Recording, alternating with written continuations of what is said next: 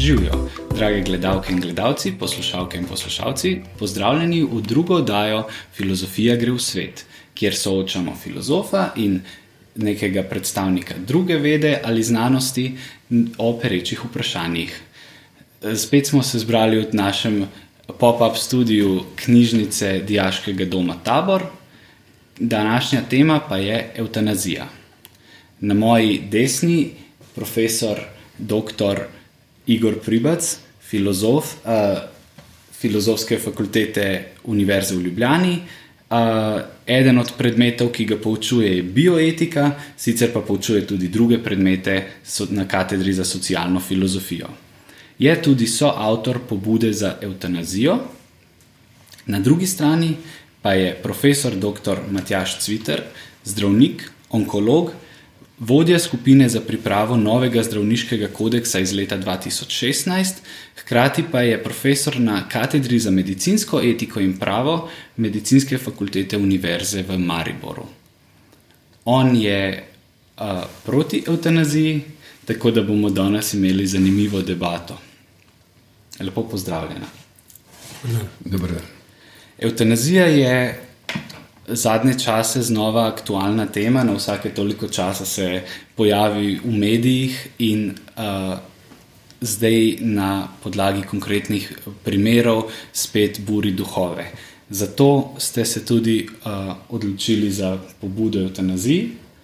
Um, zakaj menite, da je eutanazija dobra stvar? Ja, najprej hvala za to možnost, da povem svoje poglede na eutanazijo in da bodo morda eh, mladi ljudje lahko, pa tudi morda ne tako mladi, prisluhnili tem mnenjem. Zdaj, eh, mogoče se ne strinjam čisto, da je ponovno vzniknila ta debata, kajti sam bi rekel, da, je da smo, po mojem, kar seznanjenem mnenju, prvič priča neki resnejši, relativno že malce ukorenjeni, eh, široko zasnovani javni razpravi o eutanaziji, ki sem jo doslej v slovenski družbi pravzaprav pogrešal. Bilo je kvečemu nekaj osamljenih mnen, ki pa niso v resnici pomenila nič eh, nobenega političnega stališča, v resnici eh, stranke se še niso recimo morale opredeliti o tem vprašanju in tako naprej. Imeli smo eno debato v, v enem telesu. Par, državnega zbora Slovenije, kjer smo o tem razpravljali. Zdaj, um, sam menim preprosto, če, če zelo kratko in najkrajše možno odgovorim, je, menim, da je um, pravica do pomoči pri samomoru in uh, eutanazije in do eutanazije um, za trpečega človeka um, skladna z idejo človekovega dostojanstva, ki je tista osnovna vrednota, v, za katero pravzaprav, varujemo z celotno pravno zgradbo, začenši z, z ustavo samo.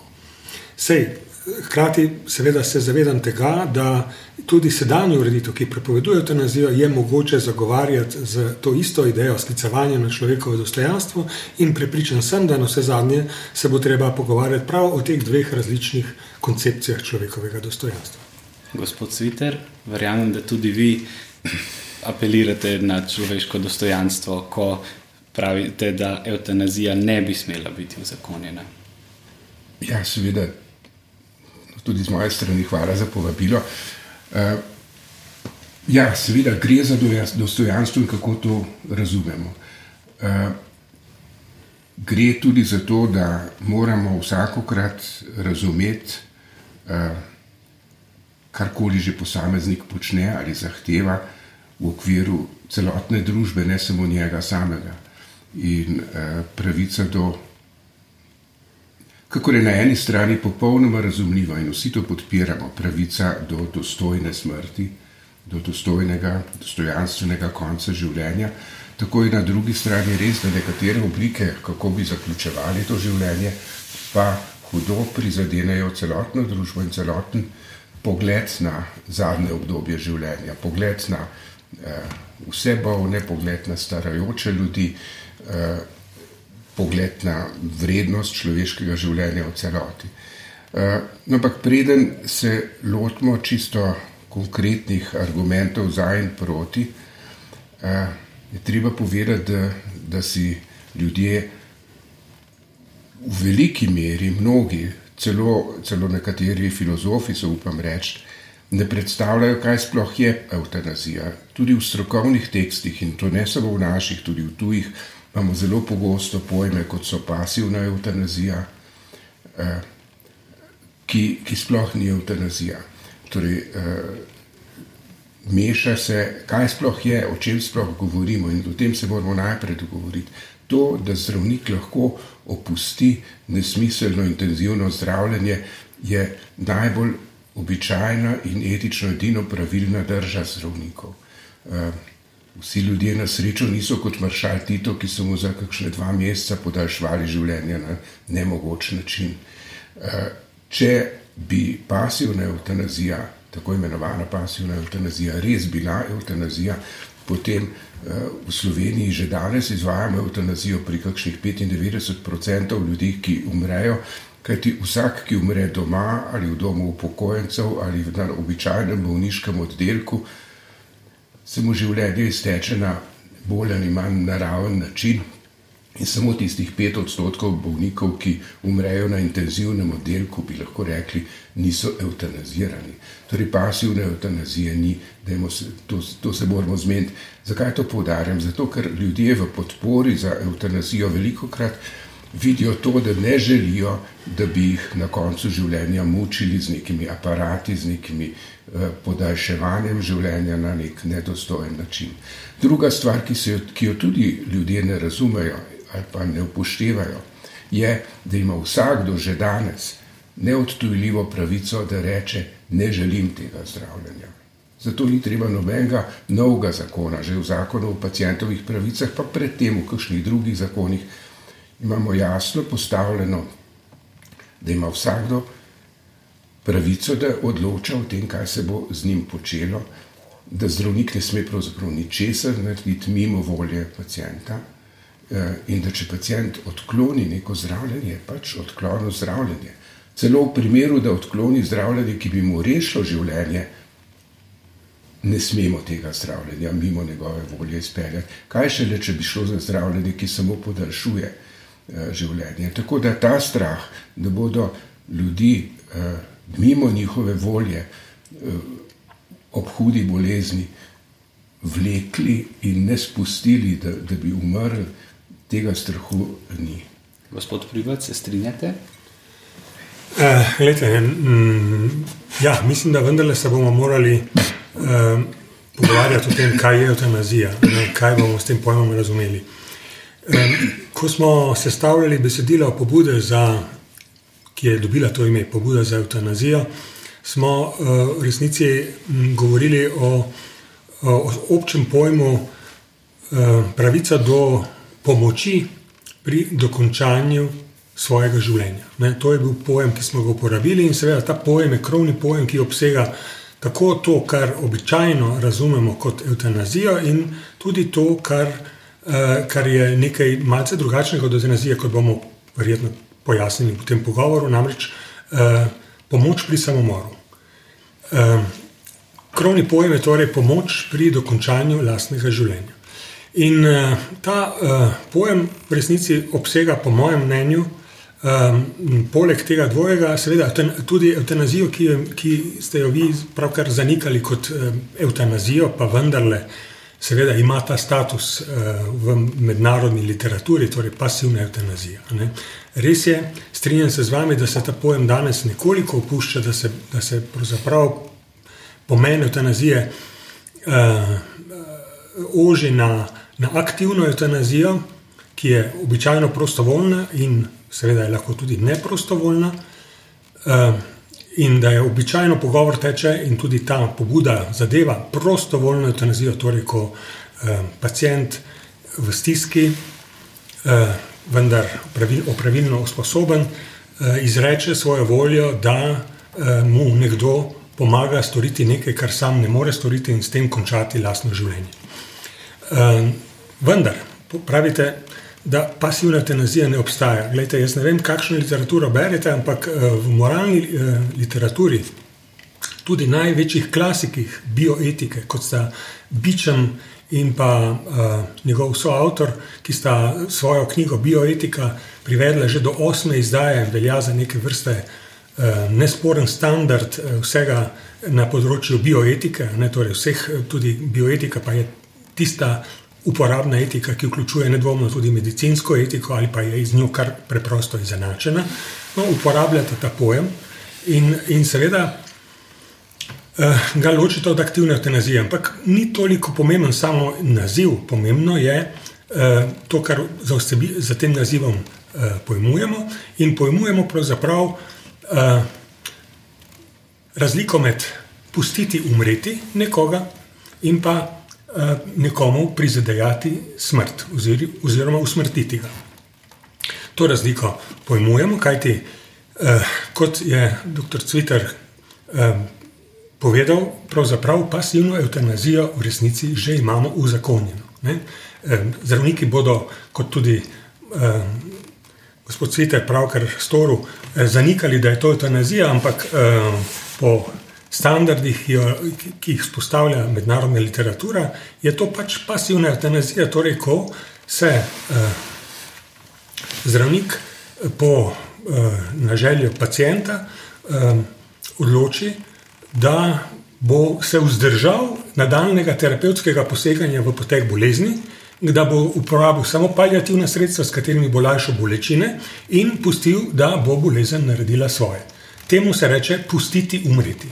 No, zadati smrt pa seveda pomeni eh, narediti dejanje, unesti v njegovo telo neko učinkovino, ki to smrt povzroči. To sta te dve dejanji, za kateri dve zdravniki pravijo, da obstaja neka velika moralna razlika med njima. Da je tukaj moramo strogo ločiti, da je eno povsem normalno, dopustno in da, kot je rekel sogovornik, eh, je pravzaprav način, kako umre velika večina pacijentov v naših bolnicah, ono drugo pa je dejanje, ki ga moramo imeti za moralno završeno.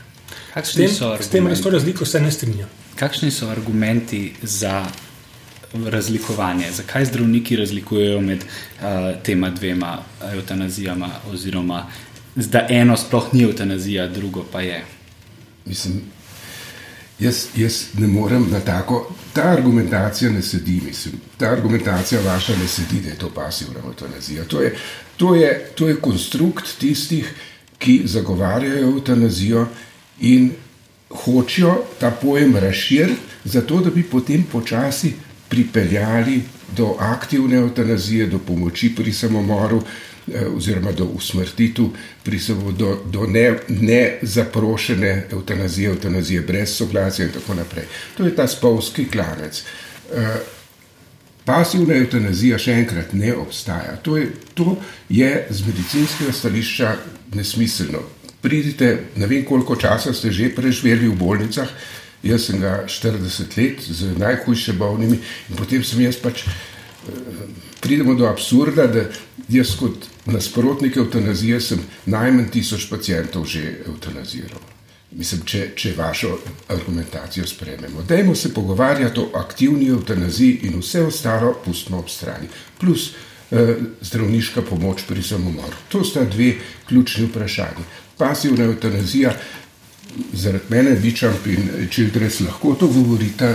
To knjigo sem večkrat prebral, jo imam seveda doma, prejšnji izdajo, novo izdajo. Uh, tudi druge knjige sem bral. Res je veliko zmede v literaturi, ampak ta, to zmedo povzročate filozofi, ne zdravniki. Zdravnik ne bo noben govoril o pasivni eutanaziji, kadar gre za opustitev nesmiselnega zdravljenja. Nam je že profesor Milčinski, pred, ko sem jaz študiral, rekel: Če igrate, kolegi, šah z dobrim šahistom in zgubite kraljico, boste igro predali. In je rekel: Verjemite, smrt je zelo dober šahist.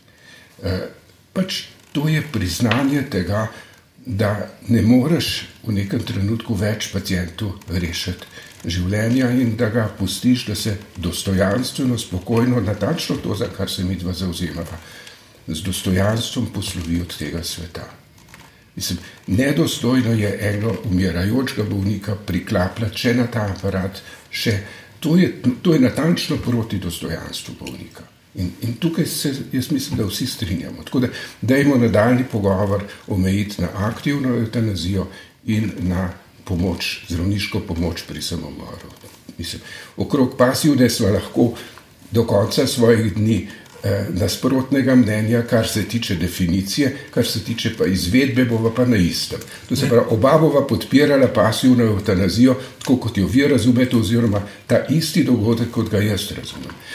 Dogodek, ki ko nekdo, pacijenta, ki je brezupno bolan, ki ne želi več ničesar, ki prosi zdravnika, dajte mi mir, pustite me umreti, ko nekdo. Eh, kot zdravnik takega pacijenta pusti, da se mu življenje lepo izteče, eh, poskrbi za palijativno terapijo, eh, za duhovno podporo in za vse ostalo, ne ukvarja se pa več z nekimi medicinskimi ukrepi. Ta postopek oba podpirava, samo drugače mu rečeva. Gospod Privat, se strinjate? Ne strinjam se.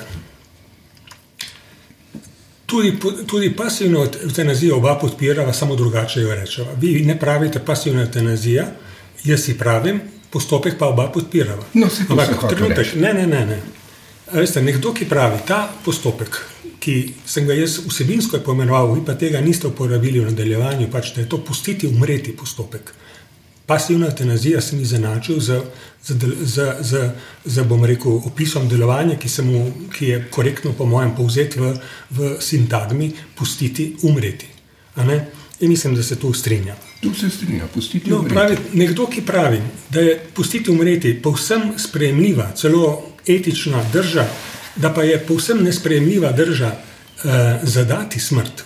Vselej, vselej, seveda, jasno, da se strinjava v tem, da je v veliki večini primerov zadati smrt nekaj zlega, nekaj nesprejemljivega, nekaj škodljivega, ampak jaz pa seveda trdim, za razliko od vas, da v nekaterih primerih je zadati smrt eh, nekaj dobrega. In sam trdim tudi, da je nekaj, kar ima ali enako vrednost, etično vrednost, ali pa je celo prednost pred pustiti umreti. Nekdo pa, ki je v vaši poziciji, ki pravi, da pustiti umreti je nekaj dobrega, Medtem ko je zadati smrt nekaj slabega, mora, po mojem mnenju, eh, pokazati na moralno razliko med obema dejanjama in ugotoviti na tako razliko, da bo pokazal jasno, v čem je prednost pasivne eutanazije, oziroma pustiti umreti pred zadajanjem smrti. Tega doslej še niste storili. Predstavljam si, da je en od uh, razlogov, zakaj je takšno vaše stališče, Hipokratova prisega ki pravi, da zdravnik ne bo zadal pacijentu nič žalega. Verjamem pa, da so tudi še kakšna druga. Um, ni ni samo Hipokratova prisega, to je enostavno. Gledajte, to je razumevanje medicine, kako medicina teče, kje so meje medicine, kje se pa medicina v smislu uh, te fiziološke medicine, če tako rečemo, neha in kje, uh, kamor potem ne more več poseči. Medicina ni vse mogočna, ne more vsega uh, napraviti, ne more vseh, seveda, ne more smrti preprečiti.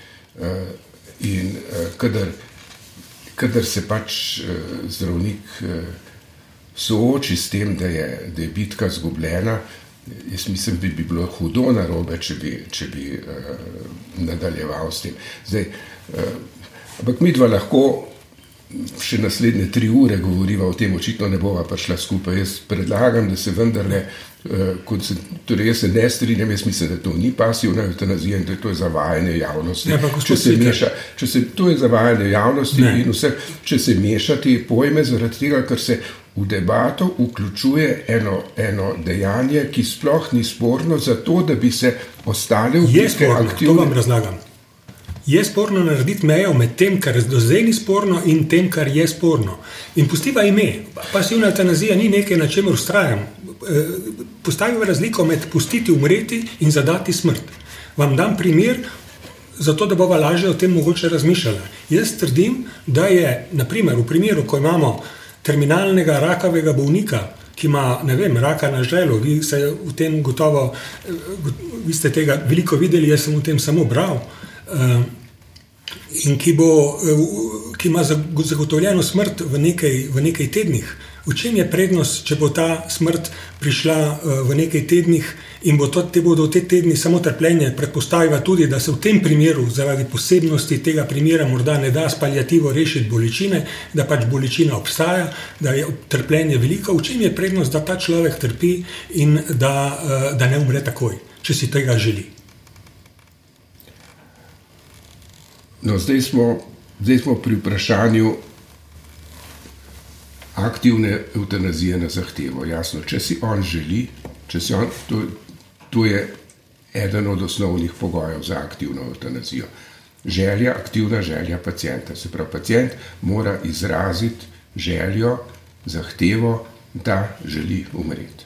Brez tega, jaz upam, da se strinjamo, ne more, ne sme biti eh, niti razmisleka o tem, da bi mu z nekim strupom končali življenje.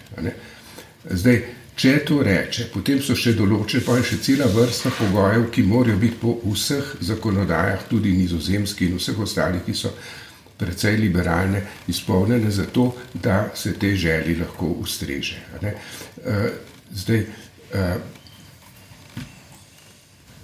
problem, problem pri tem je, torej ena stvar je, vi ste rekli, neobvladljiva bolečina. Bolečino se da praktično zmeraj eh, obvladati. V enem nemškem pregledu je bilo eh, predsednik Nemškega združenja za palijativno medicino zapisal, da je približno en odstotek bolnikov z bolečino, ki se jo ne da z eh, protibolečinsko terapijo zadovoljivo obvladati in za te bolnike oni priporočajo eh, sedacijo. To se pravi, pacijenta dajo v, v stanje spanja, umirijo ga, bolečino umirijo. To stanje je lahko ta, ta infuzija z sedativi, s pomirjevali, lahko začasna. Čez en čas se jo, čez nekaj dni se jo lahko prekine, včasih tudi v tem stanju bolnik umre, veliko krat umre v tem stanju. Ampak to so redki primeri. On ocenjuje, da okrog en odstotek bolnikov, ki se jim ne da uh, bolečine ublažiti z recimo zvišanjem običajnih dos. Uh, in kombinacijami različnih zdravil proti zdravljenju bolečine. Zdaj, eh, tako da bolečina, pa kot veva, ni, ni edini razlog, zakaj v državah, kjer eh, je legalizirana eutanazija, zaradi česar ljudi zaprosijo za eutanazijo. Ne. Celo eh, v večini teh držav so vse statistike, ki so jih delali, je, da je bolečina nizko na lestvici, tam približno četrtina bolnikov zaprosi za eutanazijo zaradi bolečine. Veliko, veliko više gor na lestvici so pa ostali, ostali dejavniki, ostali vzroki, zakaj se ljudje odločijo. In to nas pa mora skrbeti. Ne.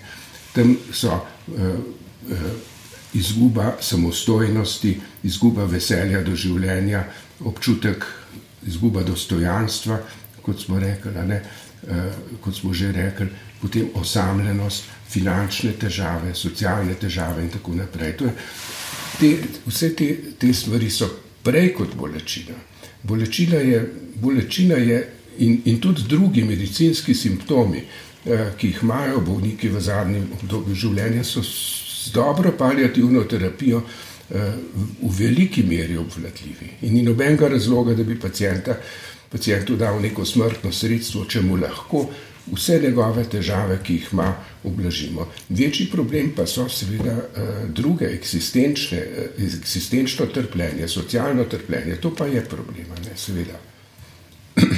Lete, jaz moram ugotoviti, da se pač tistega primera, ki sem ga dal nama v razpravo, pravzaprav niste držali in da ste zdaj le odprli neko povsem novo področje razlogov, ki pacijenta lahko vodijo do tega, da prosi za pomoč pri dokončanju svojega življenja. V tem pač ne vem, razlogi so lahko različni, ampak če so avtonomni, če izhajajo iz njega samega, če so ustrajni in če so podprti z, z, z diagnozo, ki eh, bom rekel, pom, eh, po, po vsem, kar vemo o, o njej, prinaša tudi neko fizično trpljenje in z njim povezano psihološko trpljenje, seveda so dobri razlogi, upravičeni razlogi za to, da nekdo lahko zaprosi za pomoč družbi pri, pri, pri skrajni stiski, ki ga pesti, po mojem mnenju. Vendar pravim še enkrat, nekdo, ki reče, to, kar delamo zdravniki v 95% smrti v bolnišnicah, je nekaj najboljšega, je nekaj etično, povsem sprejemljivega, podprtega, dobrega, hkrati pa je nekaj absolutno zlega. To, da bi nekomu uh, aktivno pomagali pri eutanaziji, ki postavi tako močno mejo, kot je, kot, je, kot je postavilo Slovensko zdravniško združenje, s tem, ko je eutanazijo kljub prenovi še vedno razglasilo za nekaj, kar kot združenje, torej absolutno zavrača, pri čemer je šlo preko meje tega, kar je tekst mednarodnega eh, kodeksa, mednarodnega, med, mednarodne zdravniške zveze, ki, ki, kolikor sem pogledal včeraj, eh, te prepovedi tega zavračanja eutanazije ne vsebuje, prav tako tega ne vsebuje marsikateri drugi nacionalni etični kodeks, naprimer italijanski etični kodeks eh, te, tega zavračanja eutanazije ne vsebuje, čeprav tudi v Italiji eutanazija ni uh, legalizirana. Nekdo torej mora pojasniti, zakaj postavi takšno mejo, zakaj je pustiti umreti nekaj dobrega, pomagati nekomu, ki želi smrt, pa nekaj slabega. In ta odgovor jaz od zdravnikov pričakujem.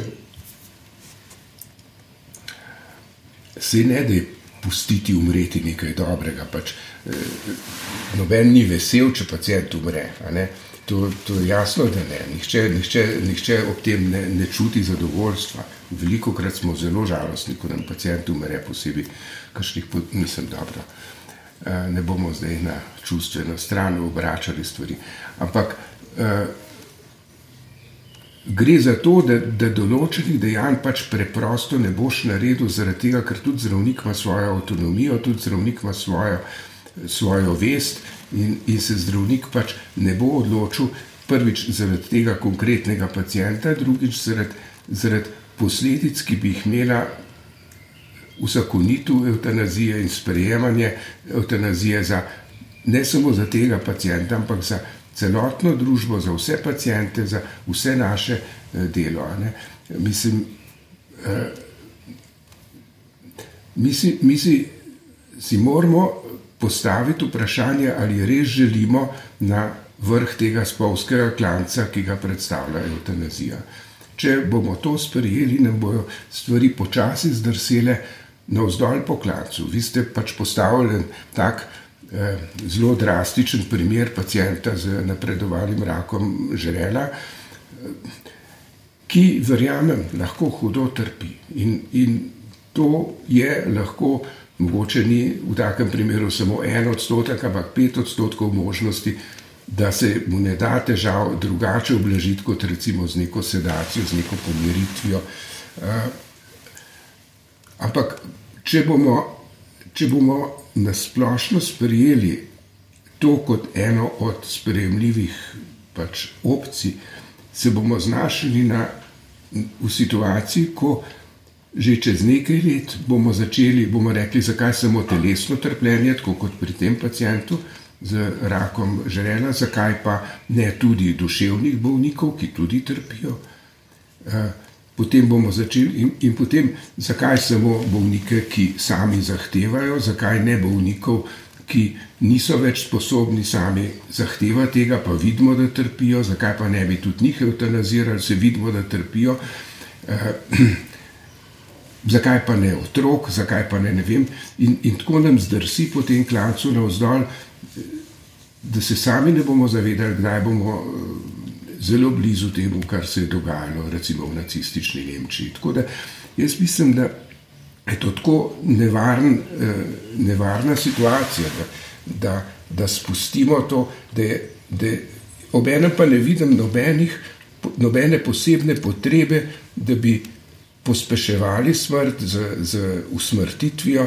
Eh, če imamo druge možnosti, če imamo palijativno medicino in če imamo, recimo, v skrajnih primerih tudi možnost sedacije.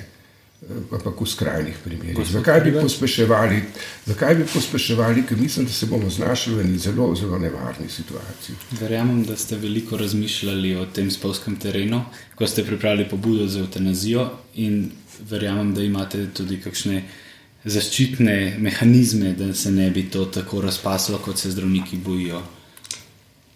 Lejte, vsaka zakonodaja, brez izjeme, eh, tudi sedanja, vključuje možnosti eh, kršitev in eh, tveganj, nevarnosti, neželenih posledic, in tako naprej.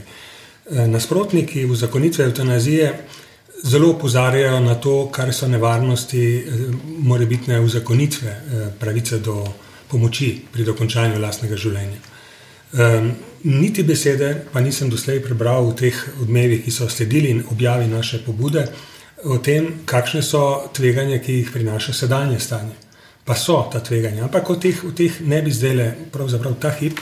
Uh, seveda, če odgovorim neposredno na vaše vprašanje, ja, uh, nizozemci, belgijci, ki so to naredili pred uh, skoraj da že 20 leti, so seveda predvideli naj zahtevnejše zah varnostne mehanizme, zato da bi ta odločitev ne bila zlorabljena, da bi torej avtonomna samoodločba pacijenta ne postala uh, mo, rekel, deležna nelegitimnih pritiskov, zunanje, zun, zunanjosti, heteronomnih dejavnikov, bi rekli filozofi, na njegovo avtonomno voljo. Uh, seveda se s tem povsem strinjam in ne morem bolj tega podpirati, kajti gre za odločitev, ki to zasluži, ki je pač irreverzibilna in kot irreverzibilna je potreba potem, da eh, zagotovimo hm, pacijentovo eh, resnično voljo, da gre po tej irreverzibilni poti, eh, seveda zelo, zelo velika. In uravnotežena mora biti torej z to irreverzibilnostjo. Um, to je nekaj, nek odgovor, ki ga vam lahko dam, ampak mislim, da se moramo odzvati na to, kar je sogovornik rekel. Pač rekli ste, če, se, če uzakonimo aktivno eutanazijo, se podamo na vrh spolske strmine in bomo drseli na dno, na njenem dnu pa je, je, je bom rekel, politika, ki jo je, ki jo je izval uh, uh, Hitler. Uh, torej, um, genska, neko gensko čiščenje, morda celo ne, eh, neka eugenična politika, kjer bodo tudi proti volji ljudje eutanazirani in tako naprej. To je seveda lahko neka nevarnost. Ne bom rekel, da se to ne more zgoditi v današnjih časih, kjer se razrašča. Bom rekel, nacionalizem in rasizem, to seveda je neko tveganje se, s katerim se mora družba soočati. Vendar obstaja tudi tveganje, da avtonomna volja posameznika ni spoštovana.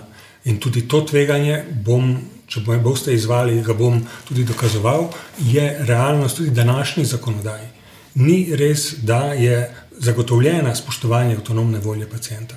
Ampak sam bom polemiziral sogovornikom na tej točki, da, da po mojem mnenju nismo na vrhu spolske strmine v trenutku, ko uzakonimo aktivno eutanazijo. Na, na, na spolski strmini smo v resnici v vsakem trenutku, smo v tem trenutku. V tem trenutku, kjer imamo uzakonjeno in spoštovano opcijo pustiti umreti, in kjer imamo prepovedano in to strogo prepovedano, torej eh, bom rekel, kot bi bil to eh, sam zlodej, a ne opcijo uzakonitve eutanazije. Na, tereni, na spolskem terenu ste vi če ne zmorete podati dobrega eh, argumenta, zakaj to mejo postaviti tukaj in nekje drugje.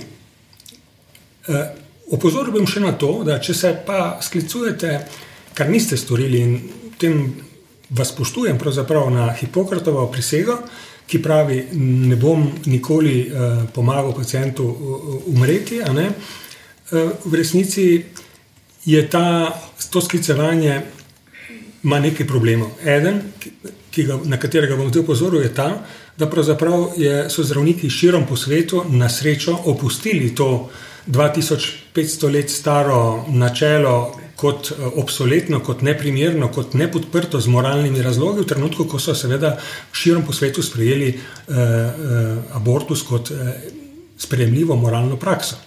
Abortus je uh, usmrtitev uh, človeškega bitja, nedvomno, ampak strinjamo se, tudi sam tako pravim, v določenih mejah sprejemljiva eh, usmrtitev, etično sprejemljiva usmrtitev, eh, ki lahko reši tegobe matere, tegobe morda celo širše okolice in je dopustna.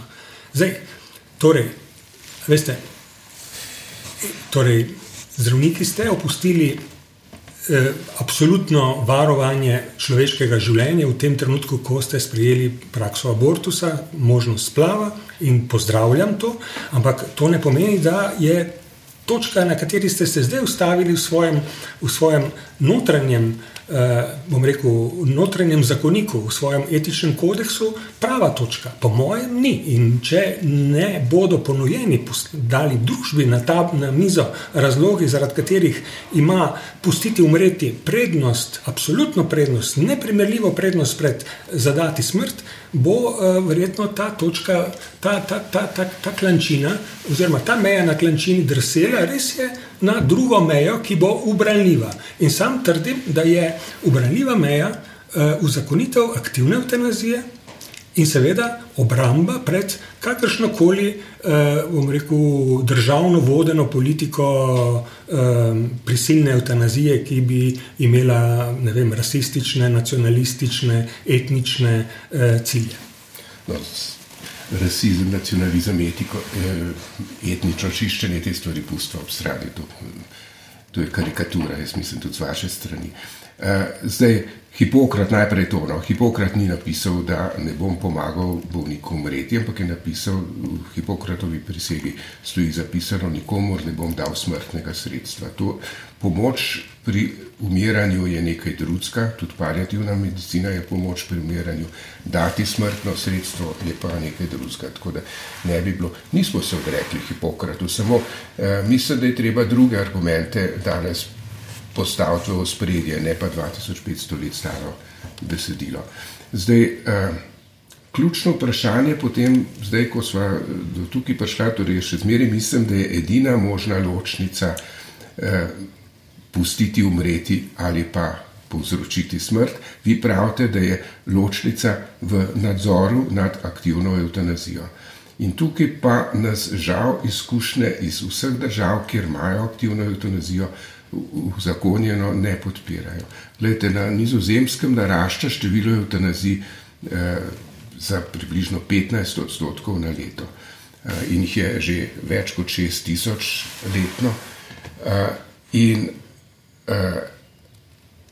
vsa, mislim, vsa, vs njihov nadzor, in enako je v Belgiji, enako je predvideno v Kanadi, pa še niti nimajo načina, kako bojo zbirali poročila. Uh, enako je v Viktoriji, v Avstraliji, kjer so zdaj sprijeli uh, zakon in bo uzakonjena eutanazija, aktivna eutanazija v, v letošnjem letu. Nikjer, nikjer, torej nikjer, uh, povsod, tako rečemo, povsod temelji vse nadzor na tem, da zdravnik, ki opravi eutanazijo, izpolni obrazec. In če je na tem obrazcu vse pravilno pokrižano, je stvar zaključena. Na nizozemskem ni bil niti en sam zdravnik obsojen zaradi tega, ker se ni držal pravil. Zakaj ni bil obsojen? Zato, ker vsi tisti, ki so eh, poslali obrazec, so seveda vedeli, tukaj moram to pokrižati, tukaj moram to pokrižati in s tem se stvar konča. Pri 6000 eh, eutanazijah na leto, ki jih pregleda njihovih pet regijskih odborov pomeni, da ima na vsak regijski odbor v povprečju 1200 primerov na leto za pregledati. In nič drugega ne gledajo, samo to, in to, to je popolnoma jasno, samo to gledajo, ali so uh, križki narejeni v pravih kvadratih. In to je to. Pacijenti imajo raka, s tem je stvar zaključena in tako naprej. Nihče se ne sprašuje o nobenih podrobnostih. Niti en zdravnik na Nizozemskem ni bil obsojen. V Belgiji je zdaj en primer, ko je zdravnik, eh, ko so uvedli preiskavo, ampak to je en sam na toliko. Eh, bist, mislim, pridemo do paradoksa, da je veliko več možnosti, da bom šel na sodišče zaradi napačnega zdravljenja, pa čeprav sem ravnal v najboljši veri, ampak sem se nekatere eh, na osnovi recimo diagnoze, ki je, ki je vedno mehka stvar, diagnoza ni, ni, ni, to ni čista matematika, sem se odločil napačno, zbral sem napačno zdravljenje, šel bom na sodišče, obsojen bom zaradi napačnega zdravljenja. Če bom pa usmrtil pacijenta zaradi napačne diagnoze, pa s tem ne bo nič ni nobene nevarnosti, da bi šel na sodišče. Tako da niti en zdravnik ni bil obsojen. S tem dajete zdravnikom neverjetno moč, neverjetno, neverjetno moč, da, da lahko počnejo, da pač počnejo točno, kar hočejo. Tisti papiri bojo šli v odbor, tam jih bojo pospravili in s tem bo končana vsa stvar. Eh, ko je enkrat primer na tem njihovem odboru zaključen, tudi tožilc nima več pravice odpreti primer. Torej, primer je za zmeraj zaključen, ko odbor reče, da je, da, da je pač uh, eutanazija bila v skladu z pričakovanji. Po anketah na nizozemskem, samo še to, je približno 20 do 25 odstotkov eh, primerov eutanazije pa sploh ne prijavijo. In te verjetno človek sme domnevati, da so neprijavljeni primeri eutanazije bolj sporni kot tisti, ki so prijavljeni. Ampak v njih pa sploh ni nobenega podatka. Izrazili ste nestrinjanje. Ja, gledajte, spet stva šla mimo točke, ki sem jo predlagal v debatu in ki se mi zdi točka, na katero se bo pač treba vrniti, ker brez tega koraka smo na spolski strmini in drsimo v moj v moji smeri, v tisto, kar si jaz prizadevam, v, v, v brez argumenta, ki bo naredil razliko med pustiti umreti in zadati smrt, eh, bomo verjetno pridobili tisti, ki zagovarjamo, da je zadati smrt enako ali pa v določenih primerjih boljša varianta kot pustiti umreti. Zdaj pa, če grem na vaše argumente, ki so novi argumenti, argumenti posledic zakonskega dopuščanja uh, uh, pust, uh, zadati smrt torej aktivne eutanazije. To prvič so argumenti, ki ne izhajajo iz tega, da bi bilo inherentno slabo eh, spoštovati pacijentovo voljo, da pacijent pač eh, se izogne bolečini in eh, ko še ima samo občutek, samo spoštovanje do sebe, eh, preden zapade v, v, v blodni krok. Eh, eh, Trpljenja, agonije, nezavedanja, eh, sedacije, in tako naprej, da zapusti pri polni zavesti, po morda po, po, po, po srečanju z vsemi bližnjimi, s katerimi se nameni zadnje besede, se od njih poslovi in izreče neke vrste duhovno poroko, eh, da jih v miru in takem lepem dogodku, v, v domačem v domačem okolju, ne pa v bolnišničnem okolju. Veliko krat pravite, da je to način, kako bi pacijenti, zdravniki, namreč ne pa vi osebno, ne, ne trdim, ampak zdravniki, ki, ki svarite pred uzakonitvijo eutanazije, pravite, da ja, to je način, kako se hočejo.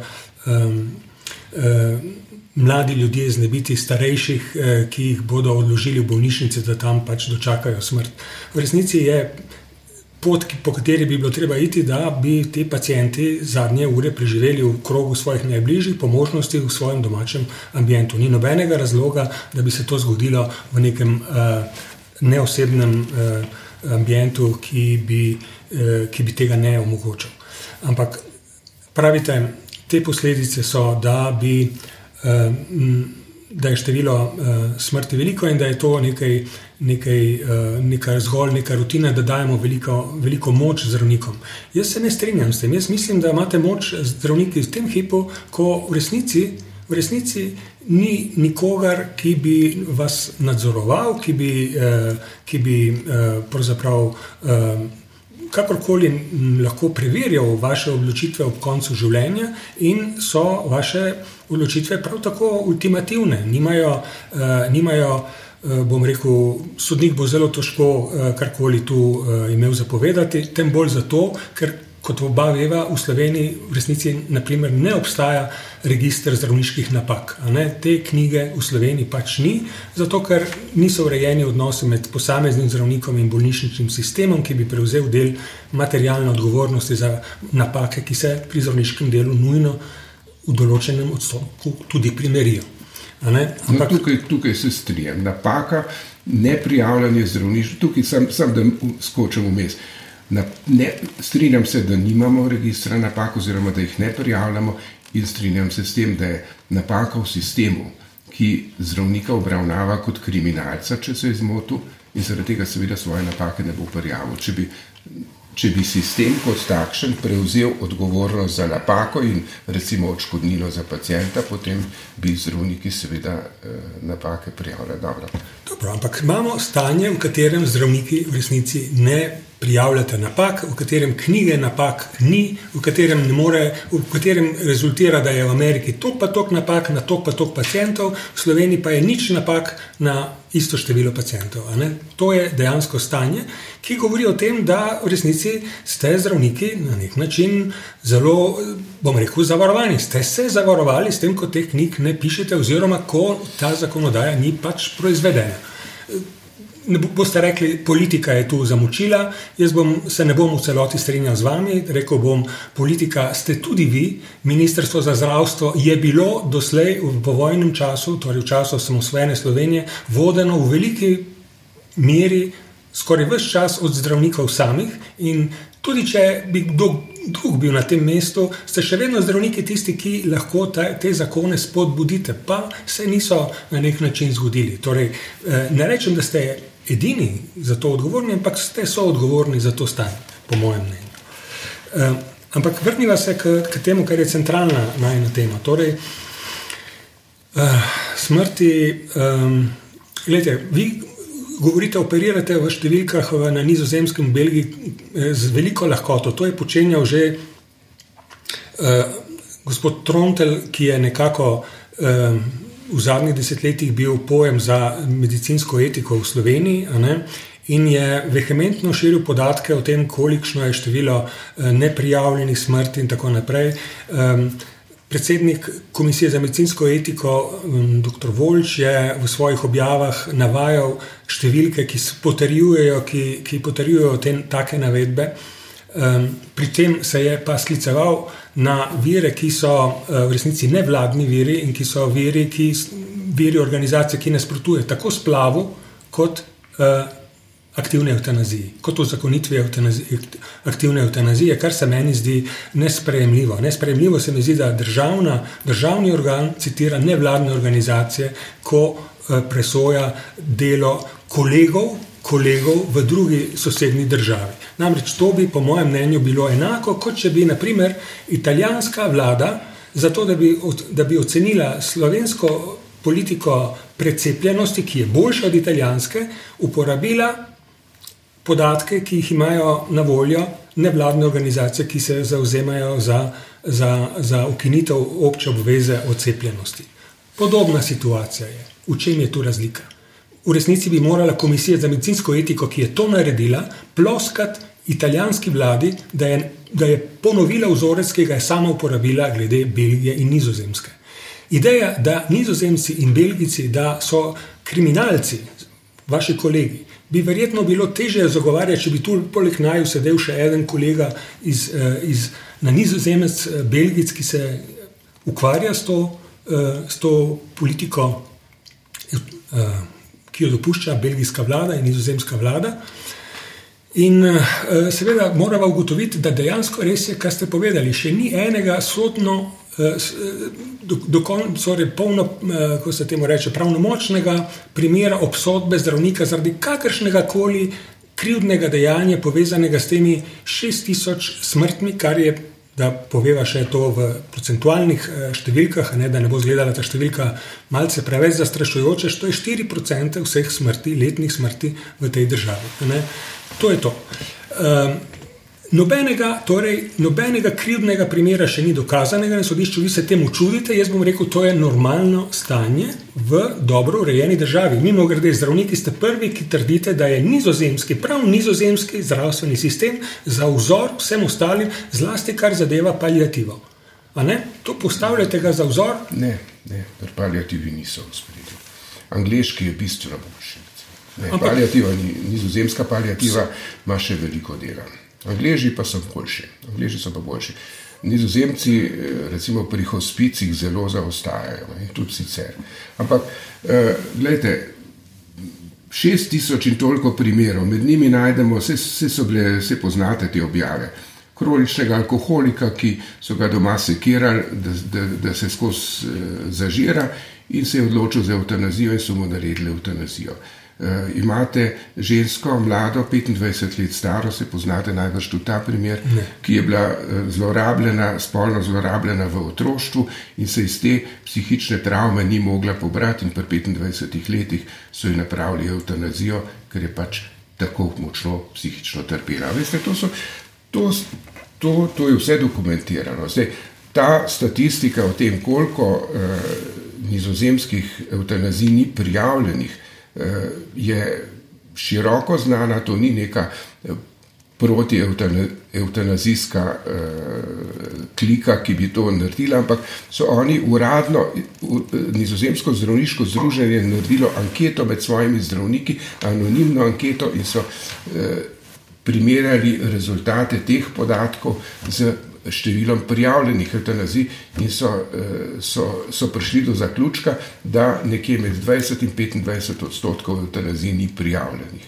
Eh, pač tega se ne da vedeti, ampak zelo verjetno to obstaja. Zelo, mislim, sistem, konč, zadnji, zadnji, zadnji argument pa je ta sistem, ki temelji na tem, da se po dejanju uh, izvaja nadzor na tak način, da tisti, ki je to dejanje naredil, da zdravnik sam napiše prijavnico in mora na njej izpolniti vse, kar je treba. Mislim, to, to ni, to je približno tako, kot če bi nadzor hitrosti na avtocesti Ljubljana Maribor eh, ocenjevali tako, da bi ljudi, ki pridejo na, v Ljubljano na semaforu, vprašali, a ste prekoračili hitrost na cesti. Jaz mislim, Vsak bo rekel, nisem. Kdo bo pa rekel, jaz sem vozil v tunelu 120 na uro? Noben ne bo tega rekel. Uh, in uh, tako približno to deluje, ta nadzor, če se zdravniki sami sebe nadzorujejo, sami sebe prijavljajo in potem pošiljajo neki komisiji. To je larpur nartizem, to ne služi ničemur.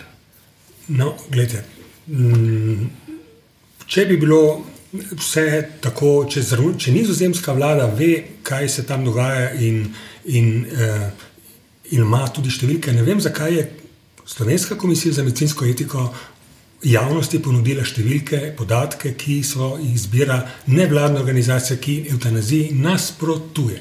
To je vprašanje, ki vam postavlja. Ni to nevladna organizacija, ne vlad... zdravniško združenje. Ne, ponudili so tri vire in tri viri so bili nevladni viri. Bili, ni, tam, ni bil to organ nizozemske vlade. In niti preveril doma in vam pošljem po pošti. Uh, uh, naprej.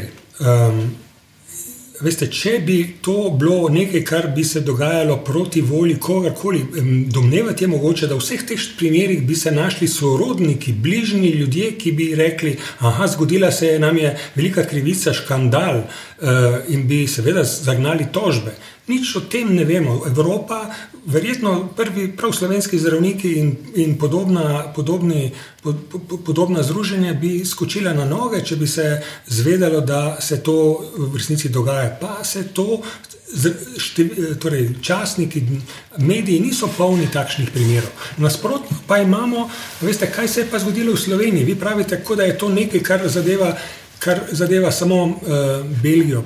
Glejte, pa obrniva stvari.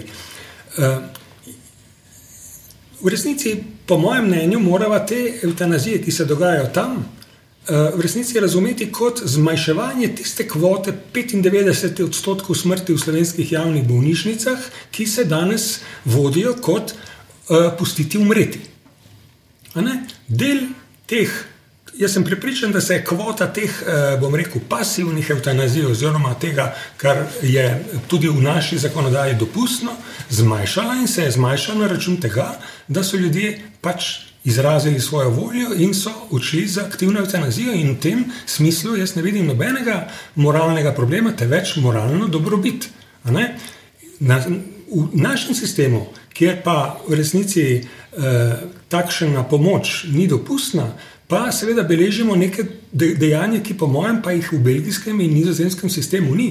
Veste, ne vem, če vi ste seznanjeni s tem, ampak nas, ki smo zunaj bolnišničnih zidov, dosegajo znova in znova glasovi eh, ljudi, ki gredo domov, storijo samomor na zelo krvave, tragične načine, kjer imamo so, so smrt eh, partnerjev, partnerjev, torej dolgoletnih partnerjev, ki, ki drug drugega pošljeta v smrt na čim boljši način, vendar nikakor ne tako dober, kot bi to lahko bil, če bi družba njima pomagala.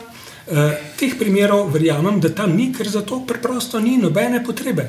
Pri nas pa ta potreba sistematično nastaja in mene, kot tudi mnoge druge, dosegajo poročila o teh tragičnih zgodbah, nekatere od teh tragičnih zgodb pridejo tudi v, v, v, v, v medije. Ne pa vse, zelo redko katere, ker o tem seveda o takih zgodbah velja neka, neka, eh, neka ideja usmiljenja in zagrnemo običajno te stvari z neko tančico, tančico usmiljenja. Eh, ampak, pogledajte, zdaj le pravite, da bolečina je vedno obladljiva. Tudi o tem, seveda, obstaja uh, močan glas v javnosti, da ni vse le tako, da imamo vsi neke izkušnje, mogoče ne uh, sorodnika, ampak sorodnika sorodnika, ki pa je umrl v velikih bolečinah. In uh, tudi to je spet razlog za, za, za, za razmislek o uh, zakonitvi aktivne eutanazije. In seveda imamo tu še en razlog. Tudi tega verjamem, da v nizozemskih in belgijskih bolnišnicah ni. Primer Radan. Primer Radan.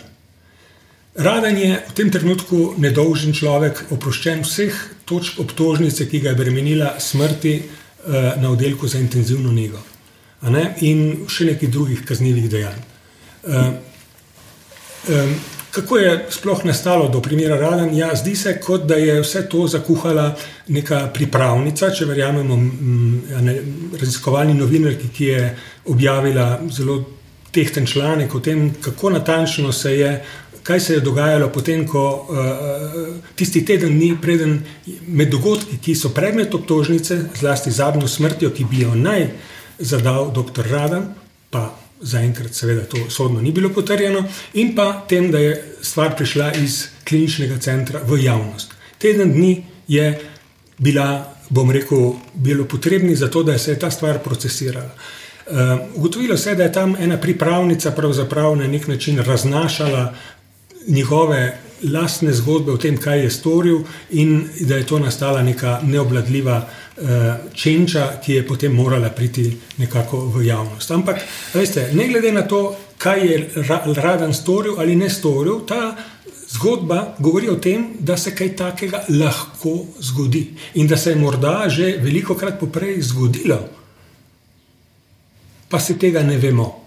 In seveda lahko res upravičeno domnevamo, da se podobne stvari dogajajo, ker imamo podobne zgodbe, kot je Radonova zgodba, znane iz drugih nacionalnih sistemov. Sam sem spremljal zgodbo nekega francoza, ki je prav tako eh, prestajal neko zelo dolgotrajno sojenje in ki je bil prav tako obsojen nekih umorov iz usmiljenja, ne pa iz eh, morilske sle, kot je bil to sicer obtožen Radan v Sloveniji, ampak v resnici verjetno sam bo rekel, da je, če, če mislim, ne nič ne bo rekel, ker prav se je izjasnil za, za nedolžnega, ne, ampak uh, uh, sam gotovo bom rekel, si, no, pustimo, kaj bi sam rekel.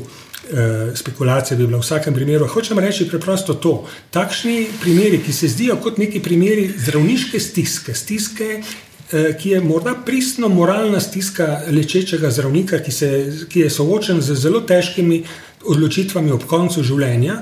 Te odločitve so zdaj velika odgovornost breme zdravnika, ki ima izjemno diskrecijsko pravico, katere v resnici mu ne bilo treba nositi, po mojem predlogu, po predlogu nas, ki zagovarjamo aktivno eutanazijo, ker bi seveda spoštoval spoštoval avtonomijo pacijenta še korak dlje, kot jo spoštuje zdaj le v skladu s slovensko zakonodajo. Avtonomija pacijenta je seveda v zadnjem zakonu o pacijentovih pravicah zelo, zelo poudarjena in je jasno, da je pacijent tisti, ki v resnici daje zadnjo besedo v vseh postopkih, ki so zadevajo njegovo osebno zdravje. Njegova možnost soodločanja se prekine na tej točki, da bi lahko zaprosil pač za, za pomoč tudi pri zadnjem, zadnjem dejanju na tem svetu. Zanj, eh, te, tega mu pač zakonodaja ne daje. Naše mnenje je, da bi to morali dosledno potegniti še na odločitev o lastni smrti in s tem zaključiti to zgodbo o pacijentovi avtonomiji, jo zaokrožiti v smiselno celoto in se s tem te, seveda tudi zavarovati pred spolsko strmino, pred katero se strinjam, upravičeno svarite.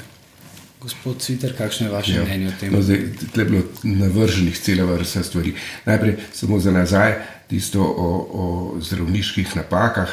Eh, najmanj deset let, pa več, že opozarjamo na vseh mogočih sestankih, da je potrebna dekriminalizacija napake in da je to, seveda ne govorimo o napaki z grobe malomarnosti, ampak napaka zaradi okoliščin, do katere lahko pride da, da jih bomo lahko prijavljali, da jih bomo analizirali, da jih je treba dekriminalizirati. Vendar naš pravosodni sistem tega ni zmožen eh, narediti.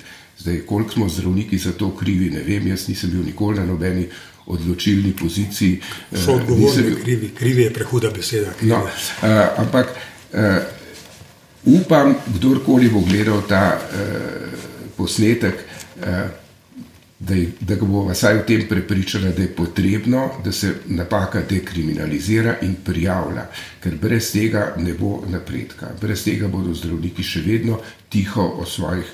O tam, in zdravniki vemo za mnoge napake, ki nikoli niso prišle v javnost. Uh, to je ena stvar. Druga stvar je, uh, omenili ste, da zgodbe, ko ljudje trpijo in da teh zgodb precej poznate, to je res. Ampak naša slovenska posebnost ali pa žalost je, da imamo zelo, zelo slabo razvito palijativno medicino. In to je tudi eno področje, na katerega jaz osebno pozarjam že, že vrsto let, tudi v kodeks etike smo dali posebne člene o uh, pravici do palijativnega zdravljenja, seveda pa ti členi ne morejo sami na sebi zagotoviti tega, da bi imeli negovalne oddelke na bolnišnicah, da bi imeli več hospicov, ne tukaj samo enega s 16 poslami za celo Slovenijo, pa še ta ne vem, kako je zdaj na pol privatiziran. Uh, Da bi imeli specializacijo iz palijativne medicine, da bi imeli katedro za palijativno medicino na obeh medicinskih fakultetah. To bi bilo nujno potrebno. Uh, pa tega ni. Eh, študenti o palijativni medicini izvejo zelo, zelo malo in tudi kasneje, ko se specializirajo v eno od dveh medicine, o palijativni medicini malo zvedo, pa čeprav za povprečnega zdravnika predstavlja palijativa saj približno eno tretjino dela, za nekatere profile pa precej več kot eno tretjino. Tako da tukaj se strinjam z vami, problem je, problem je velik, ampak ga moramo rešiti s tem, da razvijamo palijativno medicino, ne pa da bomo problem rešili tako, da se bomo pacijentov, ki potrebujejo palijativo, znebili na drug način. Tretja stvar je vprašanje uh, samomorov. Uh, ja, samomori so, so resen, uh, resno breme za celo družbo. Uh, Žal pa se je skazalo na nizozemskem, da je samomorov, potem ko je bila eutanazija legalizirana, da naraščajo, ne upadajo. E, naraščajo verjetno, tako sem jaz bral, zaradi tega, ker je izhod v smrt postal ena od normalnih reakcij. Ko si v težavah, potem greš pa v smrt, pa umreš, pa ni več težav. Skratka, smo, smrt smo začeli gledati kot so začeli gledati kot eh, nek drugačen, bolj sprejemljiv eh, dogodek, in namesto da bi se soočili s težavami, se ljudje zatekajo v smrt. Tako da samomorov, sem prepričan, ne bo manj, če bomo eutanazijo uzakonili. Eh, Tako da to, to so, zdaj, potem se omenja Radana.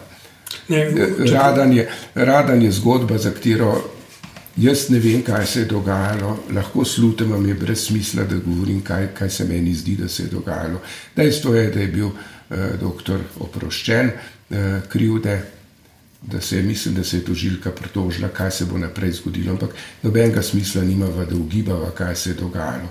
Radan je bil en, jaz ga osebno poznam, zelo občutljiv zdravnik z, z enim Najbrž mu je precej težko bilo delati z eh, najhuje bolnimi na nevrološki kliniki. Kaj je pa, težko, kaj je pa takrat dejansko naredil, eh, tega pa se ne upam trditi. In zato jaz mislim, da njegova zgodba za najno diskusijo ni posebej eh, relevantna. Eh, toliko, no ne vem, je bilo še kaj odprto. Bilo je nekaj, ključna stvar po ja. mojem mnenju, veste, mo, m, ključni argument moj je bil ta, da preprosto.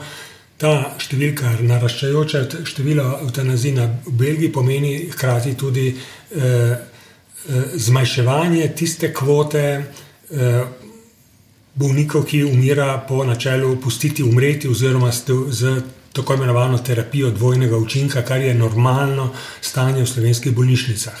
Gre preprosto za vezne posode, kjer ne samomori toliko, temveč to zmanjševanje ene količine. Oziroma, enega števila bolnikov je pomeni naraščanje drugega. In še vedno to naj vrne na naj začetno temo, da moramo šele dokazati, kajti tole ni bilo dokazano, da je aktivna eutanazija nekaj slabšega od pustiti umreti. Ker vi izhajate iz tega, da je v finančnem smislu, o tem ni nobenega dvoma. Bistveno cenejše je kot palijativna no, terapija. Jaz... To je tukaj in v družbenem smislu ni treba postelj na bolniških oddelkih, ni treba postelj na eh, hospicih in tako naprej.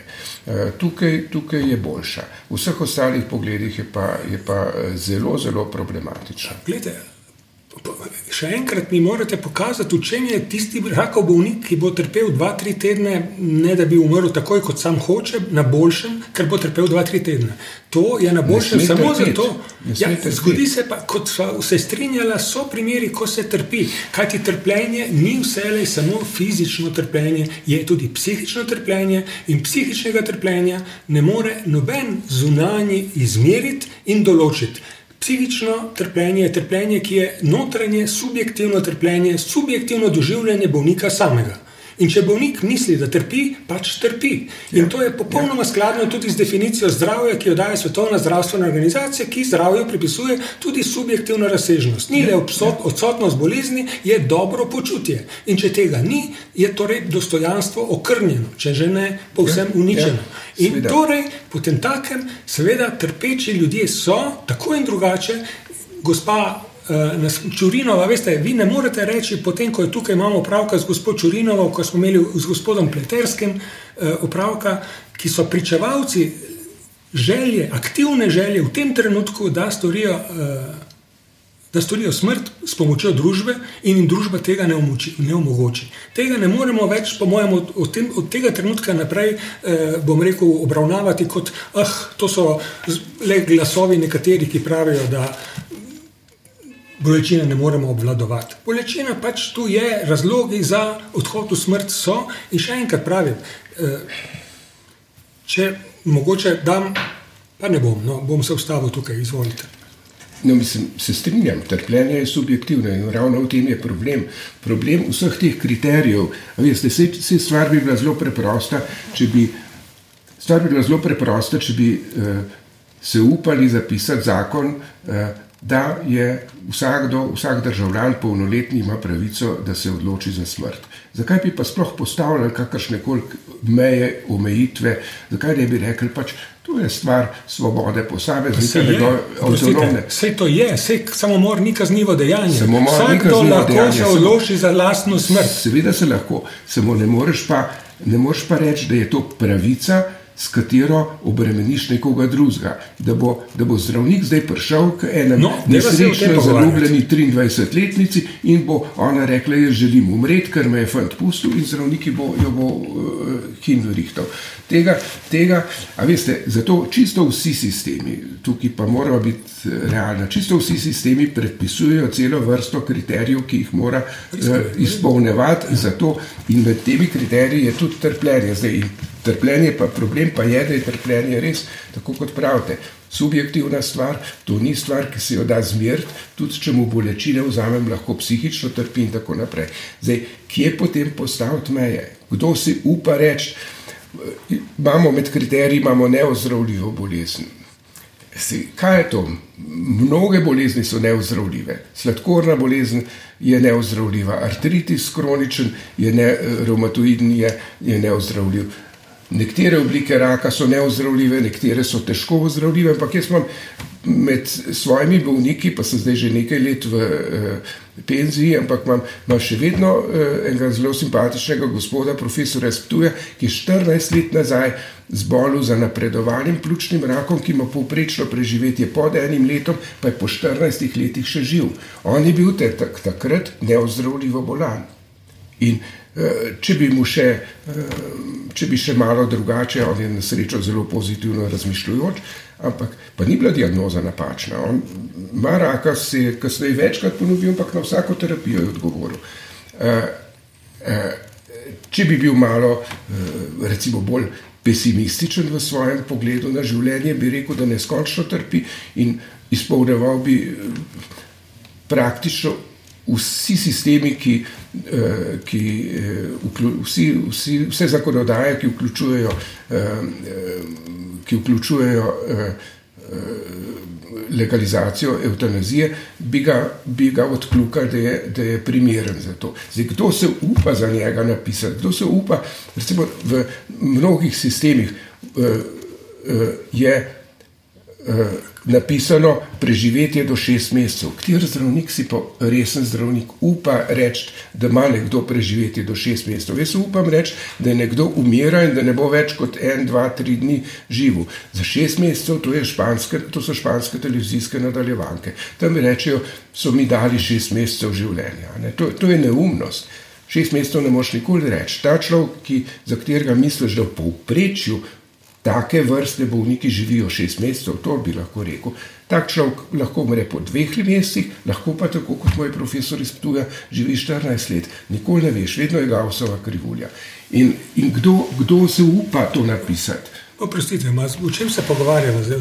Pogovarjamo se o tem, da so te kriteriji za aktivno eutanazijo, jih je jih je izjemno težko, praktično nemogoče tako narediti, da, da bi stali, da, ne bi, da, ne bi, eh, da bi jih lahko nekdo res rekel, to, to drži pri tem pacijentu. Gospoda, pogovor bomo, pogovor bomo mogli žal počasi zaključiti. Predlagam, da še vsak eh, strne ta svoje mnenje v eni repliki, potem pa debato prepustimo naprej družbi.